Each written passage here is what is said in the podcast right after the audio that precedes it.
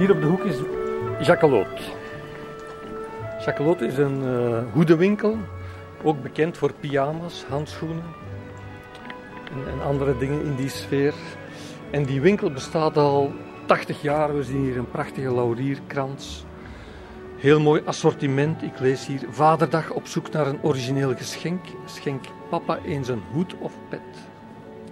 En het is zo, vermits dit de weg was die Stefan Zweig en Jozef Roth altijd deden om elkaar te zien, durven wij veronderstellen, samen met El Snik, de grote roodkenner, wetende dat Irmgard Coin, het vriendinnetje van eh, Jozef Roth, hier ook ergens in Oostende een hoed heeft gekocht, durven wij denken dat Jozef Roth hier ook een hoed gekocht heeft. Ik heb uh, hier ook een hoed gekocht omdat ik dacht ik wil eens naar de hippodroom gaan, naar de paardenkoers. En ik heb hier zo een... Uh, klak. Een klak. Ja, maar er is een beter woord voor waar ik nu niet direct kan opkomen. Wacht, ik zal het voorlezen. Prompt stap ik binnen in de hoedenwinkel. Het interieur is oud, nogal donker, bescheiden. De zon wordt buiten gehouden zoals het een goede hoedenwinkel past. Sinds 1911 zegt de man droog achter zijn toog. Mijn grootvader begon met de zaak. In dat geval kocht Rood hier zeker zijn hoed, meen ik. Ik zeg hem dat ook.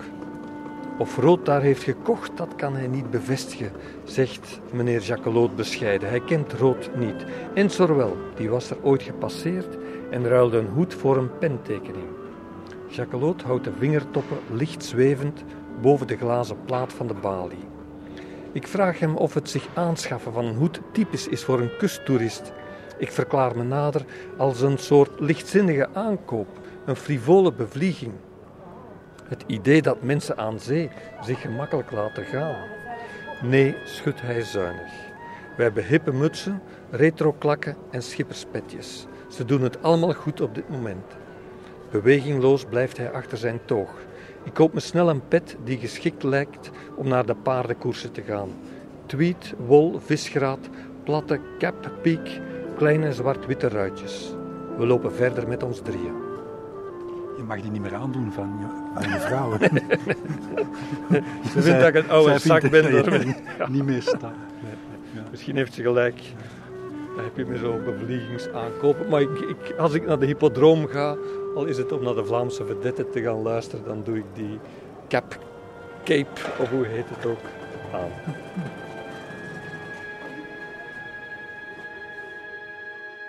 Wat mij ook erg treft in deze hoedenwinkel Jacquelot, waar we zijn binnen geweest, die nu helaas gesloten is, dat is binnengaan en de geur opsnuiven. Alsof we rood nog ergens kunnen ruiken, alsof die geur nog aanwezig is, zoals hij zelf in zijn stukjes, bijvoorbeeld over het slagveld van Nancy, een slagveld uit de Eerste Wereldoorlog, dat hij bezoekt in de jaren twintig met een autobus als een toerist. Dus een slagveld waar een verschrikkelijke slachting heeft plaatsgevonden in de Eerste Wereldoorlog, dus bijna tien jaar geleden. Hij ruikt daar nog de oorlog, hij ruikt daar nog de verbrande gebouwen, hij ruikt daar nog de slachtoffers. En dus die sensitieve omgang met het verleden, die gevoeligheid, dat fascineert ons aan rood. En dat is ook volgens ons zijn ondergang. Dus hij is te gevoelig, hij is, een vis, hij, hij is doorwaadbaar, hij neemt alles op. Hij kan het ook gelukkig verwoorden, noteren. Maar het maakt hem zo kwetsbaar. En hij gaat aan een drank en, uh, en hij sterft eraan.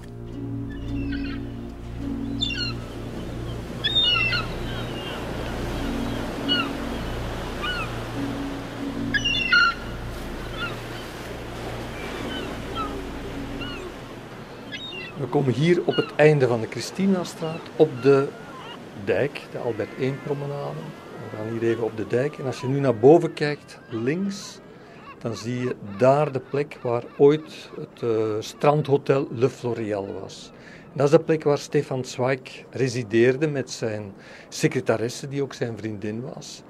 Hij was hier om te schrijven. Als kleine jongen was hij hier al geweest, want hij was van uh, goede komaf.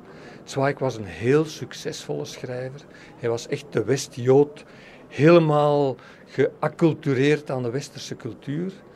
En hij had zijn goede vriend Jozef Rood uitgenodigd, die aan de andere kant van Oostende, aan het visserijdok, logeerde. Het stonk daar, daar had je de vissersboten die aanlegden.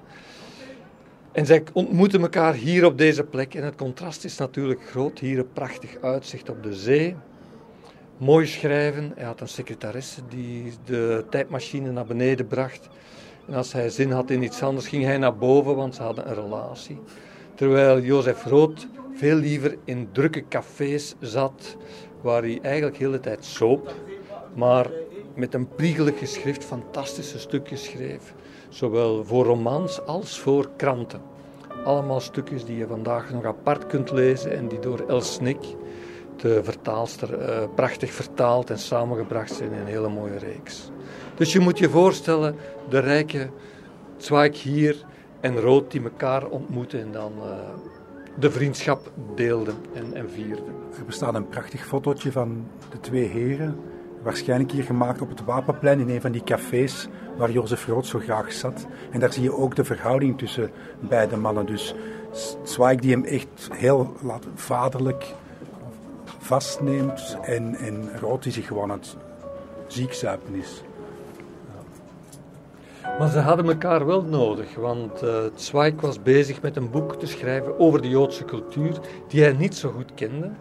Dus hij dacht, ik nodig Rood uit hier en dan kunnen we daarover praten. Ze zijn drie maanden samen geweest. Het was een fantastische zomer, het was 1936. Maar overal in Europa was het aan het broeden. Hitler uh, was overal, iedereen sprak over Hitler. Joden werden bang en gingen op de vlucht.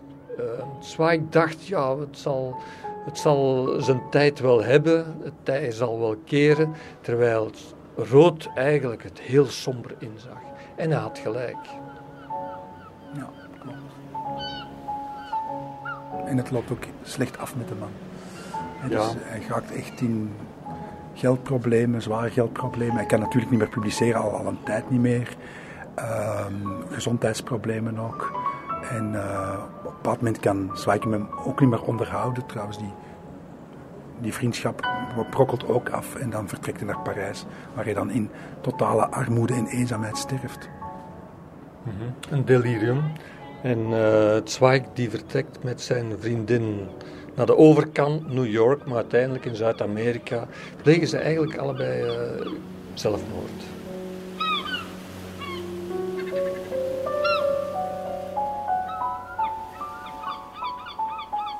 Als ik aan Stefan Zweig denk, en ik denk aan zijn boottocht naar Amerika, naar de andere wereld, naar Zuid-Amerika, dan denk ik ook aan de Mercator. Op een keer, rond middernacht, passeren Broeke en ik bij het schip de Mercator. Het opgetuigd schip ligt schitterend verlicht in het dok. We zijn met stomheid geslagen. In de diepte zien we het schip gespiegeld.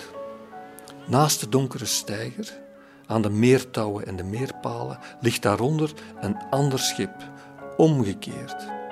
De spiegeling is exact even scherp als de reële boot zelf. We houden halt. We durven amper bewegen. Het is een angstaanjagend perspectief. Stel even dat onder ons een andere wereld bestaat, omgekeerd, maar even werkelijk. Hoe ingewikkeld is het leven dan als wij diep in ons gelijktijdig onszelf moeten meedragen in een duister spiegelbeeld?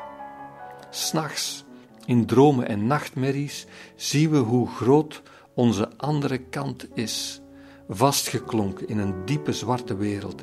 Wij zijn ook dat, het omgekeerde dat ons draagt. En dan is er een lichte trilling in het beeld. Een deining in het water. We zijn weer verlost.